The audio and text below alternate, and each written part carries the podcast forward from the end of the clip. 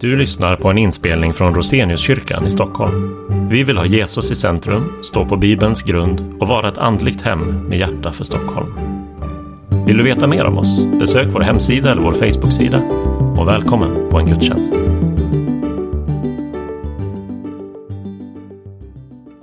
Tack! Det är väldigt roligt att vara här och få prata om det här ämnet eh, med er idag.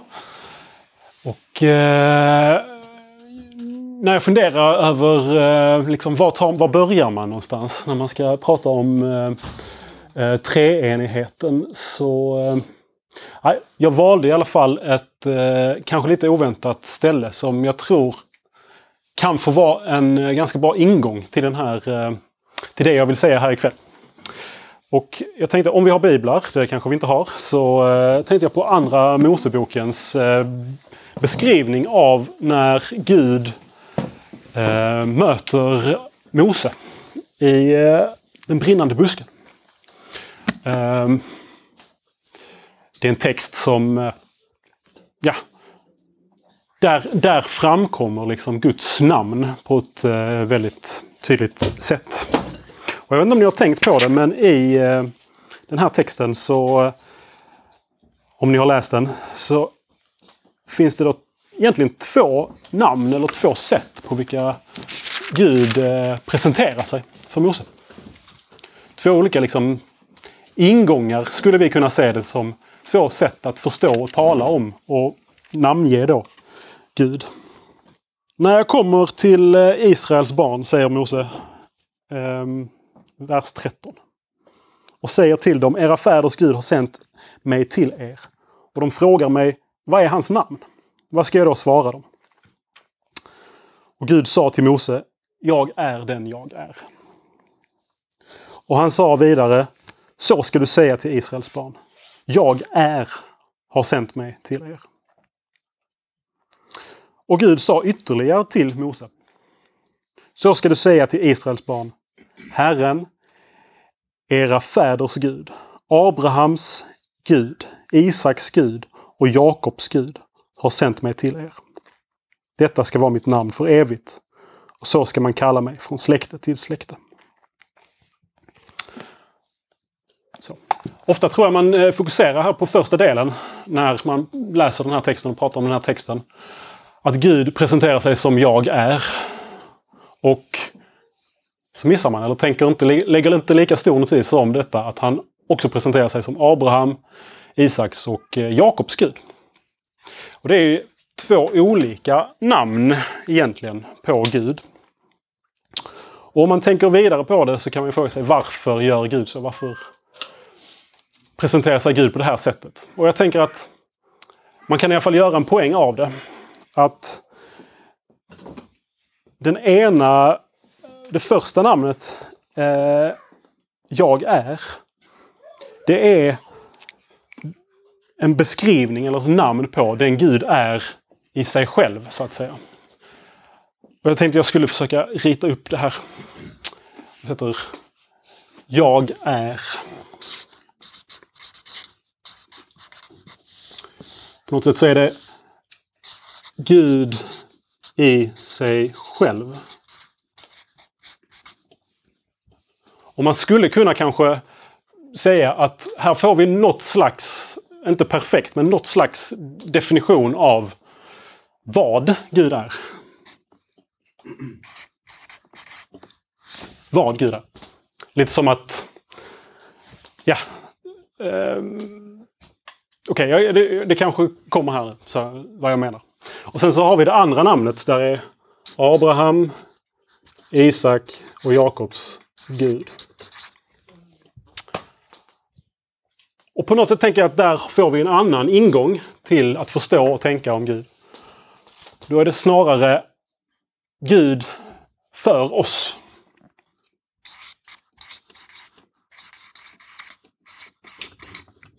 Eller Gud för Israels barn då. Alltså den Gud de har lärt känna. Den Gud som har uppenbarat sig för dem. Som de har en relation till.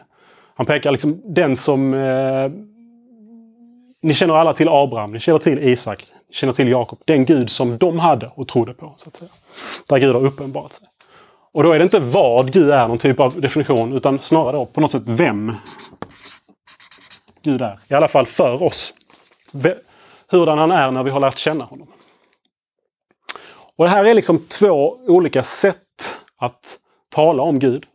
Och det finns en motsvarighet i det här i teologin. När man ska försöka namnge Gud, prata om treenigheten. Så. Och jag vet inte om ni känner till de här begreppen, kanske inte, men eh, då får ni lära er dem nu här ikväll. Och eh, sen så kan man använda sig av dem sen när man ska tänka sen. Och det är att det finns en... Eh, man brukar göra en uppdelning mellan Gud, den, en immanent förståelse av Gud och en eh, ekonomisk förståelse av Gud. Så jag kan skriva det här ut också. Då. Och då är det två M i immanent? Ja, det är det. Immanent. Och så är det den ekonomiska.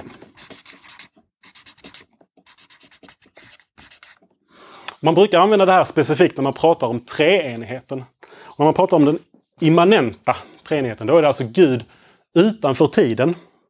Guds relation som treenig i sig själv.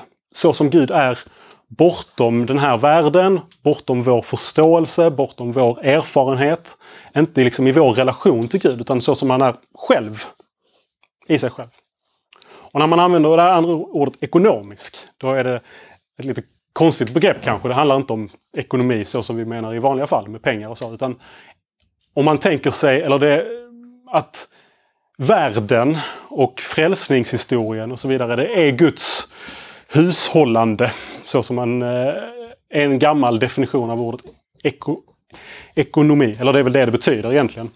Alltså när Gud eh, eh uppenbarar sig och visar sig för oss i världen. Så, om världen är hans hushåll i någon mening. Då. Så det är den eh, meningen som man brukar säga. Och de här två liksom begreppen är rätt så viktiga och de skulle jag vilja liksom försöka hamra in i, ikväll. Den immanenta treenigheten och den ekonomiska treenigheten. Och att det finns en skillnad mellan de två. Det är tanken. Är ni med något sånär? Är så? Ja, mm, bra. Eh, Gud utanför tiden och Gud i tiden skulle man kunna säga också. Vi kommer återkomma till det alldeles strax. För att i det första kyrkomötet vid Nicea på 300-talet så är det här av betydelse att ha koll på de här skillnaderna mellan att Gud för oss, Gud i tiden och Gud i sig själv utanför tiden. Men vi kommer komma tillbaks till det. Jag tänkte först liksom ta det, hoppa tillbaks i min eh, ordning här och gå till en annan fråga som är varför tror vi överhuvudtaget att, att eh, Gud är treenig? Vad är liksom meningen med det? Skulle jag vilja ställa den frågan.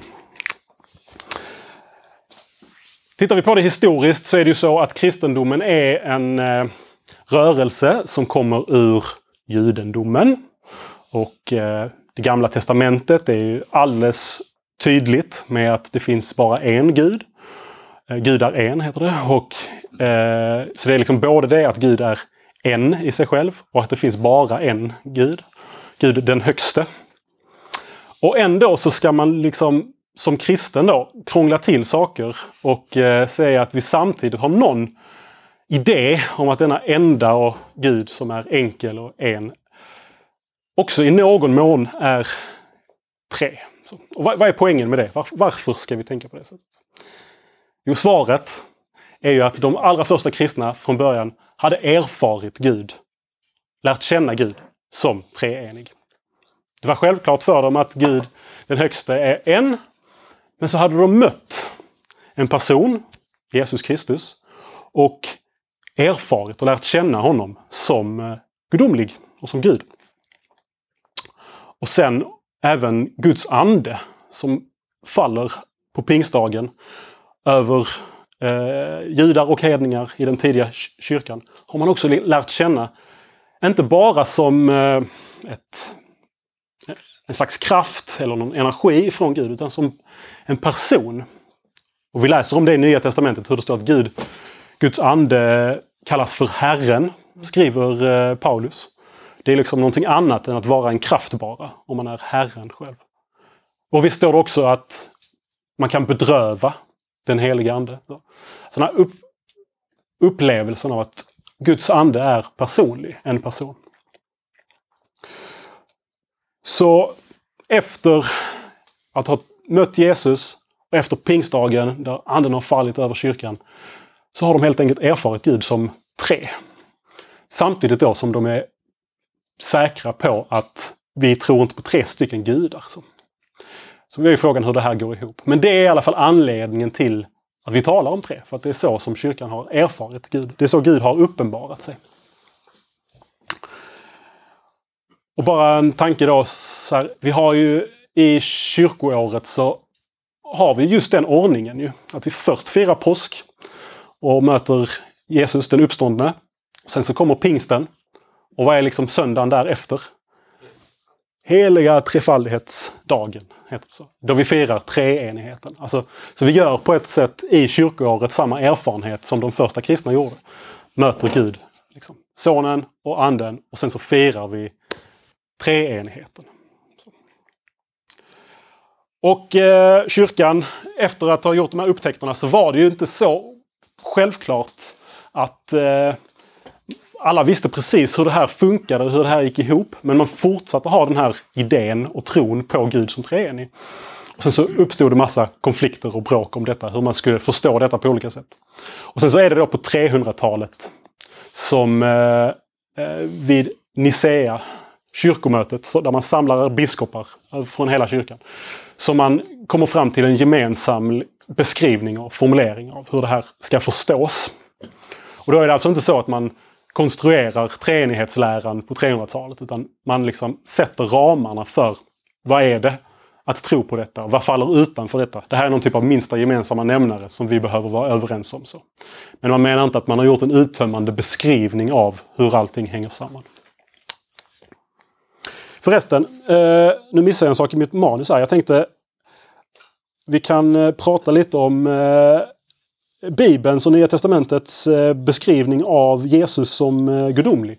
Ibland stöter man på tanken att det är liksom senare, några hundra år senare, eh, efter Nya Testamentet skrivits ner och Jesus har levt, som kyrkan börjar konstruera den här idén om Jesus som gudomlig. Liksom. Jag vet inte. Eh, för något år sedan så pratade jag på Strandhems bibelskola. Då refererade jag till Da Vinci-koden och sa att i den boken så finns den här idén. Och den blev väldigt läst och väldigt spridd. Så. Men jag tror ingen i klassen där eh, hade läst den eller typ reflekterat över det. Så jag vet inte hur, det kanske är mer relevant för er som är lite äldre. Som, jag vet inte. I den boken i alla fall som spreds eh, så fanns det väldigt tydligt den här idén. Liksom. Det var på 300-talet som kyrkan hittade på att Jesus var Gud. Liksom, och så vidare. Men i Nya Testamentet framgår med all önskvärd tydlighet att det var så kyrkan tänkte all, från allra första början. Man kan säga det i den, det äldsta evangeliet, i Markus evangeliet så ser man hur eh, Jesus förlåter synder till exempel. Nu hinner vi nog inte slå upp det och läsa det för vi ska hinna med mycket. Men då så reflekterar de som är där. Hur kan han göra det? Bara Gud kan ju förlåta synder. Och så frågar Jesus, ja men vad är svårast? Att säga till någon att hans synder är förlåtna eller att säga till en, honom, om han är lam, res dig upp och ta din bädd och gå. Så bara, ja, det är självklart svårare att göra det. Och så gör han det. och det blir liksom som hela poängen med den här saken är att Jesus ska bevisa att jag har makt att förlåta synder, för jag är Gud. Så. Och han går på vattnet också. En sån eh, tanke som är väldigt, väldigt tydlig i Gamla Testamentet. Det är, det är Gud som har makt över vattnet. Han som stillar stormen. Kanske då tydlig, tydligast man visat i eh, uttågsberättelsen när Röda havet delas. Och så står det i Saltaren och sånt. Många salmer återkommer till detta. Hur stort det är att Gud liksom har makt över havet. så. så kommer Jesus och gör samma sak. Ja. Men sen även explicit och direkt uttalat finns det i Nya Testamentets beskrivningar av Jesus att han är Gud. Inte så många måste vi säga, men ett par, ett antal. Johannes evangeliet är allra tydligast med detta. Säger det redan i början i Johannesprologen. I begynnelsen var ordet och ordet var hos Gud och ordet var Gud. Och allting som är till har blivit till genom honom. Står det. Ordet var Gud, alltså Jesus var Gud. Från, från begynnelsen. Och även i slutet av Johannes evangeliet. Det liksom ringas in av de två bekännelserna. Så är det Thomas som säger till Jesus när han får se den uppståndne då. Min Herre och min Gud. Jesus säger också i Johannes evangeliet att han har liksom Fadern liv i sig själv. Liksom- och han säger att jag och Fadern är ett. Så. Men ex explicit direkt vid de här två tillfällena. Och sen så finns det bara något tillfälle till i Nya Testamentet. Är det någon, om det är någon som vill styla så säg det nu. Där det liksom direkt, inte implicit förstår vi att Jesus kallas Gud, utan direkt står det. Jag tänkte, ja, men det kan jag faktiskt läsa för det, det, det är en text som inte jag har tänkt på så mycket men som jag eh, hittade. Alltså, Hebreerbrevets första kapitel. Där talar författaren om att Jesus är större än änglarna. Och sen så eh, citerar han eh, någon psalm. Så säger han så här.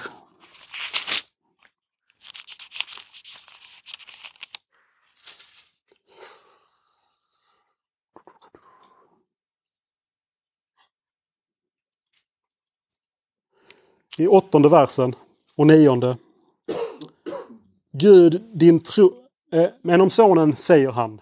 Gud, din tron står i evigheters evighet. Om sonen står det Gud, din tron står i evigheters evighet. Och i nionde versen. Därför Gud har din Gud smort dig med glädjens olja. Mer än dina medbröder. Så. Så det är väl de där tillfällena i Johannesevangeliet och här också i Hebreerbrevet, tror jag, som, som det finns explicit. Ja, så det har funnits med från början. Men man har kanske inte vetat exakt hur det här ska förstås då. Om vi nu tror att det bara finns en Gud och att Jesus och Anden då är, är gudomliga. Så vad betyder det?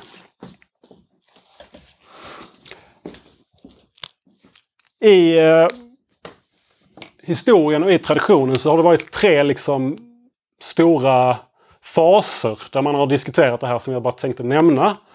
Det första är liksom eh, vid det första och andra århundradet så diskuteras kristologin.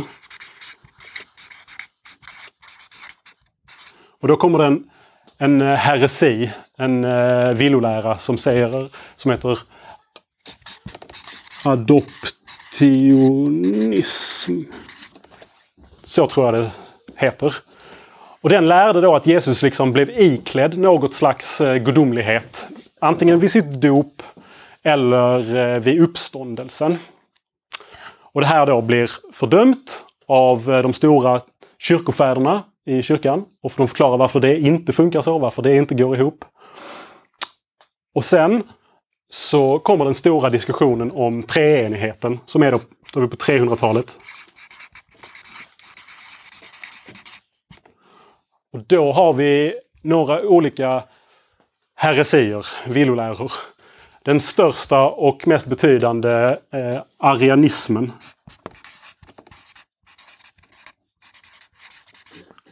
Som lär att Jesus är skapad av, far, av eh, Fadern. Han är den främste i skapelsen och har väldigt hög status och så. Men eh, han är ändå skapad av Gud. Så. Och eh, detta är då det man tar spjärn mot när man formulerar den nicenska trosbekännelsen. Som vi strax ska komma till. Men jag kan även då eh, nämna olika former av det som nu kallas för eh, modalism. Och där är läran tanken att Gud är en. Det finns bara en Gud. Men Gud visar sig som i olika roller. Eller i olika, ja, i olika roller. Som eh, Sonen och Anden. Och så. och så uppfattar vi Gud som, som treenig. Han är treenig för oss, så att säga. Men inte i sig själv. Och det är också någonting som då inte går ihop med eh, den nicenska trosbekännelsen. Och jag tänkte jag skulle gå in i den texten nu då. Jag kan inte bara stå och prata om det utan vi får ju berätta vad säger då den nicenska trosbekännelsen. Händer det att ni här i kyrkan eh, har den som eh, trosbekännelse. Någon gång, det är inte ofta. Men... Kanske på heliga trefaldighetsdag exakt. till exempel. Precis. Mm. Alltså? Gärna. Mm. Ja, jag vill gärna högtid. Ja, Vi precis. hade den på domsöndag för jag ville att vi skulle... Mm. Inte minst. Okej. Så det är, Några gånger. ja, när det är högtidligt. Ja. Jag bara tänkte, hur, hur gick argumentationen mot modernismen? Eller det är det du kommer in på kanske nu? Eh, alltså det finns ju då eh, bibelstöd för att eh, eh, inte tänka på det här sättet. Det finns sådant som liksom motbevisar den här idén om modalismen. Så det är ju det man använder sig av så att säga. Och sen så formulerade man den här nicenska trosbekännelsen där det framgår att det, det, det går inte ihop med, med modernismen. Då. Och eh, jag kan ta det nu, alltså, alltså den Johannesprologen till exempel blir ju väldigt svår. När man talar om att Gud vid skapelsen eh, så var ordet sonen där och sonen ordet var Gud. till exempel. Det, det säger ju på något sätt att bortom den här tiden, redan innan skapelsen, så fanns ju eh, sonen där. Så. så det blir lite svårt att få ihop med den här idén att Gud är en och sen så för oss visar sig. Liksom. Det finns andra sådana saker, till exempel alltså, att det finns även i tiden när Gud uppenbarar sig för oss så är han tre samtidigt. så att säga. Ehm, och att det liksom vittnar om Guds sanna trefald. Till exempel vid Jesu dop. Ja. Nickar, så du vet vad jag, du vet vad jag snackar om. Eh, så talar ju Fadern från himlen. Säger detta är min son. Och anden sänker sig ner över Jesus som en duva. Alltså vad, vad betyder det utifrån ett modalistiskt då, perspektiv? Det är bara en konstig sak liksom, som sker. Det fyller liksom ingen funktion. De- de- Jag tror att de tänker, eller tänkte, att när Gud behöver visa sig som Jesus så gör han det för att det fyller någon funktion. Och när han behöver visa sig som anden då så gör han det för att det fyller någon funktion. Men vad är funktionen med att uppenbara sig som tre i den stunden? På Jesu dop. Ja. Så det, det finns liksom problem i det här sättet att tänka. Okej. Nicenska trosbekännelsen. Och det kan jag också bara, just det. Det här är, för, den, här, den kom till i, tre, i två faser. Först vid det första kyrkomötet på 320-talet så lägger de ut och förklarar relationen mellan Fadern och Sonen. Och sen så då kommer den givna frågan, okej men vad är Andens relation till detta? Så fortsätter de prata om det under 300-talet och sen mot slutet av 300-talet så är det kyrkomötet i Konstantinopel. 380-talet tror jag. Och då så kommer liksom den slutgiltiga delen av den här trosbekännelsen till. Så egentligen så borde man kalla den för den dissensk-konstantinopliska trosbekännelsen. Så. Men det är som ni hör svårt att säga. Så, så därför gör man inte det. Gissar jag. Det står eh, så här. Vi tror på en enda Gud, allsmäktig fader. Skapare av himmel och jord. Av allt synligt och osynligt. Vi tror på en enda Herre, Jesus Kristus. Guds enda son. Född av Fadern före alltid. Ljus av ljus. Sann Gud av sann Gud. Född och inte skapad. Av samma väsen som Fadern. På honom genom vilket allt blev till. Och så vidare beskrivningar av vad som hände, vad Jesus har gjort för oss, blivit människa, dött, under blivit född av jungfru Maria, uppstått i himlen och så. Och sen så kommer den sista delen där det står Vi tror på den heliga anden som är Herre och ger liv. Herren och livgivaren, tror jag jag brukar. Som utgår från Fadern och Sonen. Och som talade genom profeterna. Så som ni märker så är det, det är lite starkare formuleringar när det kommer till eh, Sonen. Han är född av Fadern för alltid. Ljus av ljus, sann Gud av sann Gud, född och icke skapad. Så nöjer man sig med att säga att Herren, är, eller Anden är Herren och livgivaren. Och det är för att Helt enkelt för att i Bibeln så finns det tydligare stöd, tycker man då, för, eh, för detta. Om man vill formulera sig i samma termer som eh, Nya Testamentet gör. Och då tar man fasta på det här, Herren och livgivaren. Det är de två sakerna som eh, man tycker är det som tydligast vittnar om Andens gudomlighet. Han är Herre och han ger liv. Bara Gud kan ge- ge liv. Och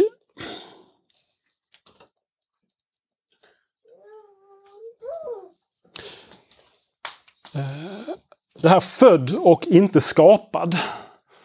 Det tror jag många eh, eller det är ganska vanligt i alla fall, att man eh, missar vad det här syftar på. Och att man tänker på att ordet född handlar om vad som sker i det ekonomiska, alltså i frälsningshistorien. Att Jesus blir född av jungfru Maria. Och att han inte är en skapad varelse utan har bara liksom tillkommit genom sin födelse, genom eh, Maria. Då. Men det är inte det det handlar om. utan det är vad som sker utanför tiden.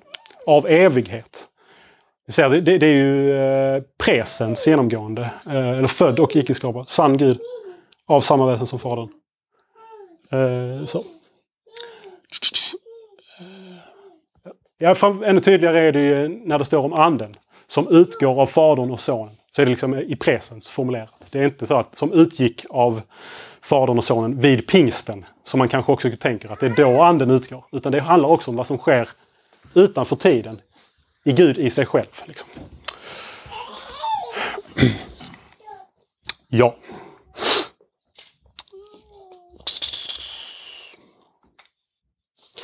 Man kan fråga sig att om det nu är så att Fadern, Sonen och Anden är av samma väsen. Alltså alla är Gud. Alla har samma gudomlighet. Och det inte finns någon typ av ranking i det här så att någon är mer Gud än den andra. Om det nu är så att allt som Fadern har, har också Sonen. Och allt som Fadern har, har också Anden av evighet. Varför har de här tre personerna olika funktion i frälsningshistorien? Så det, det, det kan man fråga sig. Och där är det som är så fantastiskt, tycker jag, med den eh, kristna bekännelsen om eh, treenigheten. Att om vi tänker att det då finns en... en eh, eh, vi ska försöka måla upp det här. Då. Om vi har en typ av sfär som är här. Liksom. Här inne är tiden. Och så har vi utanför tiden så har vi den immanenta treenigheten. Fader, Son och Ande. Så blir frågan varför syns de här personerna på olika sätt här inne i tiden, i frälsningshistorien? Varför eh, är det just sonen som eh, föds i ett stall och så vidare? Varför utgår anden och, som en eld på, eh, på pingstdagen och så vidare? Alltså vad är relationen ner hit till de här händelserna? Jag vet inte om jag ska rita det men liksom Jesus och eh, Fadern och Anden. På något sätt i tiden. Jo, men det, det vi lär är att det finns något slags likhet ändå mellan vad som sker utanför tiden i treenigheten av evighet och hur det liksom manifesteras för oss i frälsningshistorien. Och det är den här skillnaden mellan det immanenta och det ekonomiska. Så det, det är inte en direkt koppling som man kan liksom bara säga att att, eh, att den här distinktionen är meningslös och att allting vi har är den ekonomiska treenigheten. Det, det, det är inte så. Utan det finns någonting som är bortom tiden, bortom oss. Men det speglas i någon mening. Och det är därför Jesu födelse liknar att sonen är född av fadern. Och det är därför pingstdagen också blir ett slags bild för vad som sker av evighet utanför tiden. Att anden utgår från Fadern och Sonen. Och det är det som är det liksom stora med den nicenska trosbekännelsen. Eller inte bara det kanske, men det är det som är så stort med den nicenska trosbekännelsen. Att den gör den här beskrivningen av vad som händer bortom. Det är inte bara vad som vi uppfattar för oss, utan vad som sker av evighet. Utanför tiden. Herren, Anden, utgår av Fadern och Sonen. Syftar inte på pingstdagen egentligen. Utan det syftar på vad som händer utanför tiden. Och född av Fadern för all, all tid. Syftar inte på Jesu födelse vid julen. Är ni med? Ja.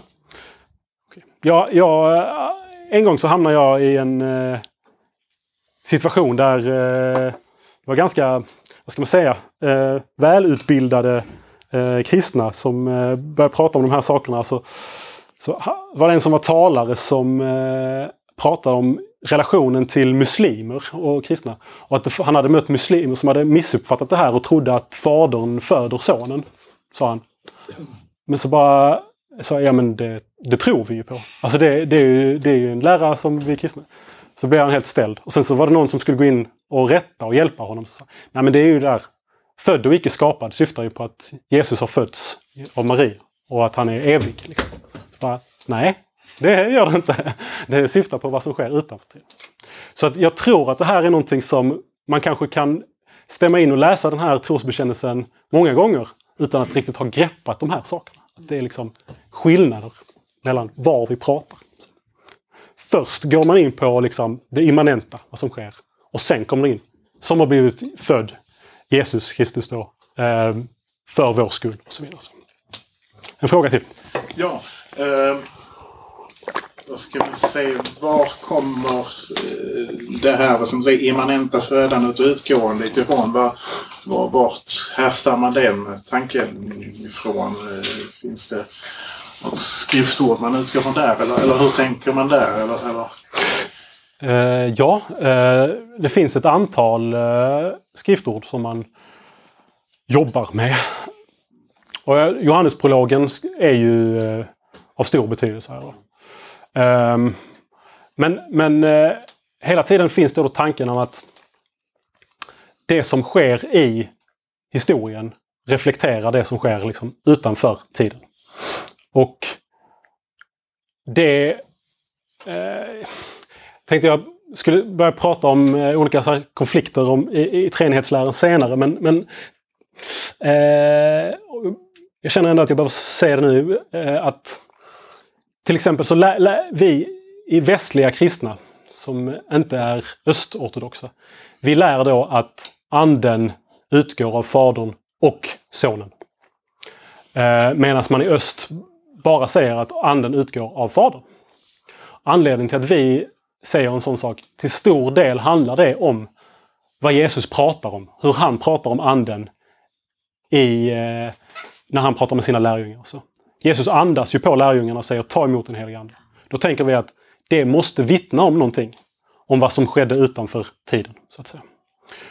Och eh, när man klargjort då att Gud är treenig i sig själv, vilket eh, man tycker att Bibeln då vis visar på, så kommer de här olika eh, formuleringarna om hur, hur Sonen och Anden ut, utgår av Fadern. Liksom.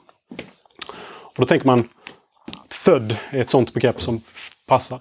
Och där finns Ordspråksbokens eh, åttonde kapitel. Eh, där står det om hur visheten, som är Jesus, fanns vid Faderns sida eh, vid skapelsen till exempel.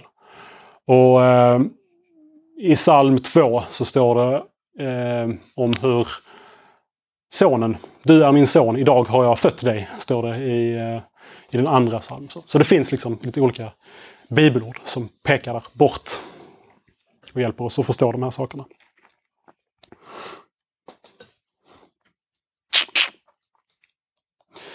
Bra. Nu tänkte jag att vi skulle prata lite om eh, enhet och mångfald när det kommer i de här till de här sakerna. Och när man pratar om treenigheten så är det alltid så att man balanserar på någon typ av knivsägg där eh, det gäller att hålla ihop enhet i Gud och mångfalden i Gud utan att man faller över i att överbetona det ena på bekostnad av det andra. Och det är så alla heresier liksom uppstår, skulle man kunna säga. Att eh, på ena sidan då så eh, finns risken att man eh, bortser från mångfalden i Gud och så blir man modalist då. Gud är en och visar sig på ett visst sätt. Men Gud är inte i någon verklig mening finns det någon mångfald i Gud. Eller då så finns det ett mer konstruerat begrepp som heter triteism. Som är då att man tror på tre gudar. Det är om man inte håller ihop enheten i Gud. Det finns ingen historisk grupp som har liksom bekänt sig till det och kallat sig kristna. Men man brukar ändå prata om det som en liksom, möjlighet. Där skulle man kunna landa. Men enhet och mångfald är det som liksom man hela tiden behöver jobba med. Och Man kan säga att för att bevara både enhet och mångfald så finns de här formuleringarna då om att Fadern, Sonen och Anden är av samma väsen. Så det är liksom ska vi se, eh, ett och samma väsen först. Det är liksom någon typ av betoning på enheten. Sen så pratar man ändå om att det finns en eh, mångfald i fråga om personer då. Fadern, Sonen och Anden.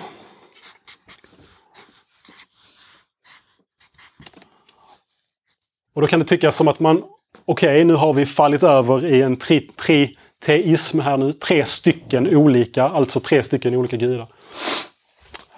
Och det fanns en kyrkofader i eh, grekisktalande kyrkofader från, som var väldigt betydande för det där nicenska trosbekännelsen när den kom sen, som heter Gregorius av Nyssa. Han gjorde exemplet så här när han skulle förklara hur det här går ihop, bara så här långt. Så pratar han om att, tänk när att vi plockar upp tre personer. Eh, Petrus, Johannes och Jakob. Alla tre har samma väsen, det vill säga väset, väsendet människa. De är liksom av naturen människa. Så. Och när, i och med att han säger så, så öppnar han ju verkligen för en så kallad triteism, tron på tre stycken. För det är ju tre personer, tre olika människor, eller hur? Varför tror inte vi då på tre gudar, om du nu använder dig av det exemplet? Jo, men då svarar han på det att säga att de är helt ett när det kommer till aktivitet. Och det kan man inte säga om Petrus, eh, Johannes och Jakob, liksom, att allt de gör är samma. Så det här är liksom ett sätt att orientera sig. Samma väsen, tre personer, eh, en gemensam aktivitet. Och tanken är helt enkelt att så fort treenigheten uppenbaras för oss och så fort vi möter Gud så, så eh, gör vi det gemensamt. Och det kan man se på ett antal ställen i, genom Bibeln. Till exempel vid skapelsen så läser vi att Fadern talar och världen blir till. Och så står det att Guds ande sveper över vattnet. Och har vi läst det här då genom eh, Johannesprologen så vet vi att Sonen är ju ordet som eh, Fadern talar. Så har vi treenigheten, tre personer, men de har samma aktivitet. De är alla delaktiga i skapandet av världen. Sen eh, ängeln, när hon talar till eh, Maria, eller han, eller vad man säger, till Maria, så, eh, så ser han att det är Gud den högstes kraft, Gud den högstes vilja att detta ska ske, att Maria ska få eh, barn, Jesus. Och han ska kallas Jesus då. Och, så. och hur ska detta ske, frågar Maria. Jo, helig ande ska komma över dig. Så, så vid inkarnationen så, så är hela treenigheten indragen. Så.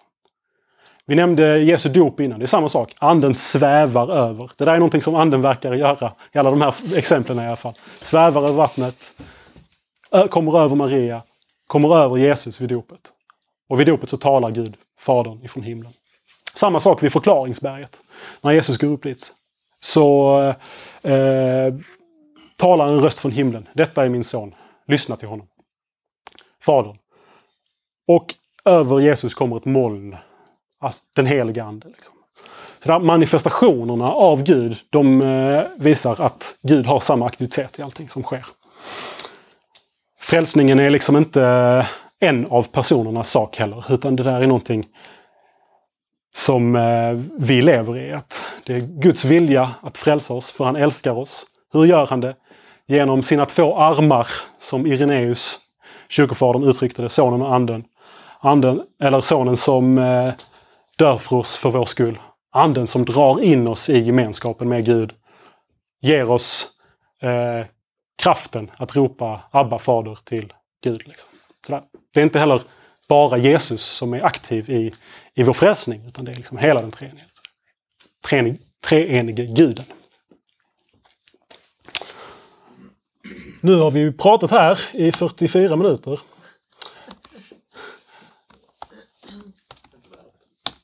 Nej, det är inte värre än så.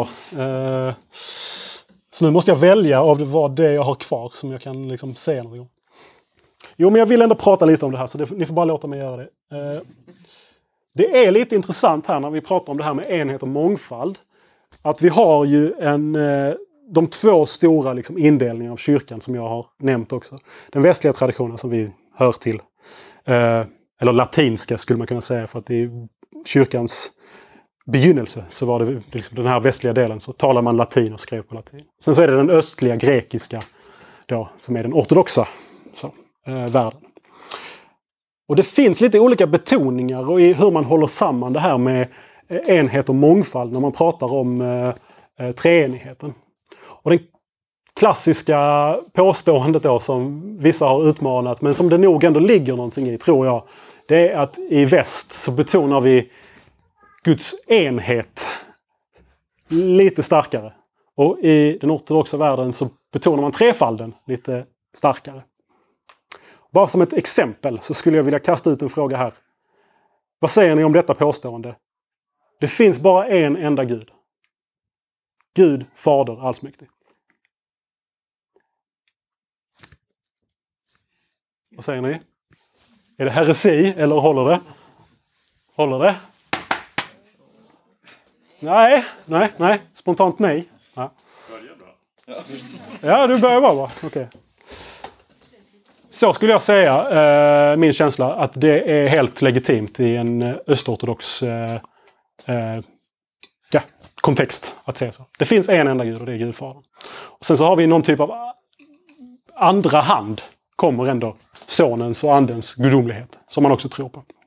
Men namnet Gud och så hör i första hand primärt till Gud Fadern. Och sen säger någonting någon typ av andra hand så kommer det in på Sonen och Anden. Medan vi i väst nog hellre skulle säga att eh, vi, det finns bara en enda Gud. Gud, eh, den treenige. Fader, Son och Ande. Så. Är ni med? håller, ni, håller ni med om det? Att det nog hade känts lite mer bekvämt. Så. Men det är ju faktiskt så det står i den nicenska trosbekännelsen också. Alltså om man tänker efter. Det är ju just detta att i någon typ av första hand så är det ändå Fadern som är Gud. Sen är Sonen av samma väsen som Fadern. Liksom, I någon typ av andra hand. Vi tror på en enda Gud, allsmäktig Fader. Ja, sätter vi punkter där så är det ju på något sätt det man säger. Bilden blir lite så här Ja, men det är eftersom att man betonar trefalden mer. Tänk, tänk en, en klassisk allegori som man brukar använda sig av är eh, att jämföra med solen. Solen lyser och är sol.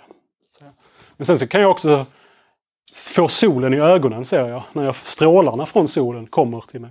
Och så kan jag också säga att jag lämnat bilen ute i, i solen när den står och blir varm och det lyser, lyser på den. Eller hur? Och det där är någon typ av allegori eh, eller analogi för, för treenigheten. Att Fadern är själva solen. Sonen är strålarna, som också är solen ändå, liksom Gud. Men i någon typ av sekundär mening ändå. Och sen så är det anden som eh, också får sägas vara, eller värmen då som får sägas vara sol och anden som får sägas vara Gud. Också i någon typ av sekundär mening. Så. Och rätt ofta när man läser Nya Testamentet så tror jag också man stöter på den ordningen lite grann. Alltså det står till exempel, vi har en enda Gud, Gud allsmäktig, och en Herre, Jesus Kristus, hans son. Så gör man den liksom distinktionen att det i första hand är Fadern som kallas Gud. Och det där tror jag är lite obekvämt för oss. Eh, att göra, alltså att betona trefalden, mångfalden i Gud på det sättet. Men det är nog rätt så okej, okay, skulle jag vilja påstå.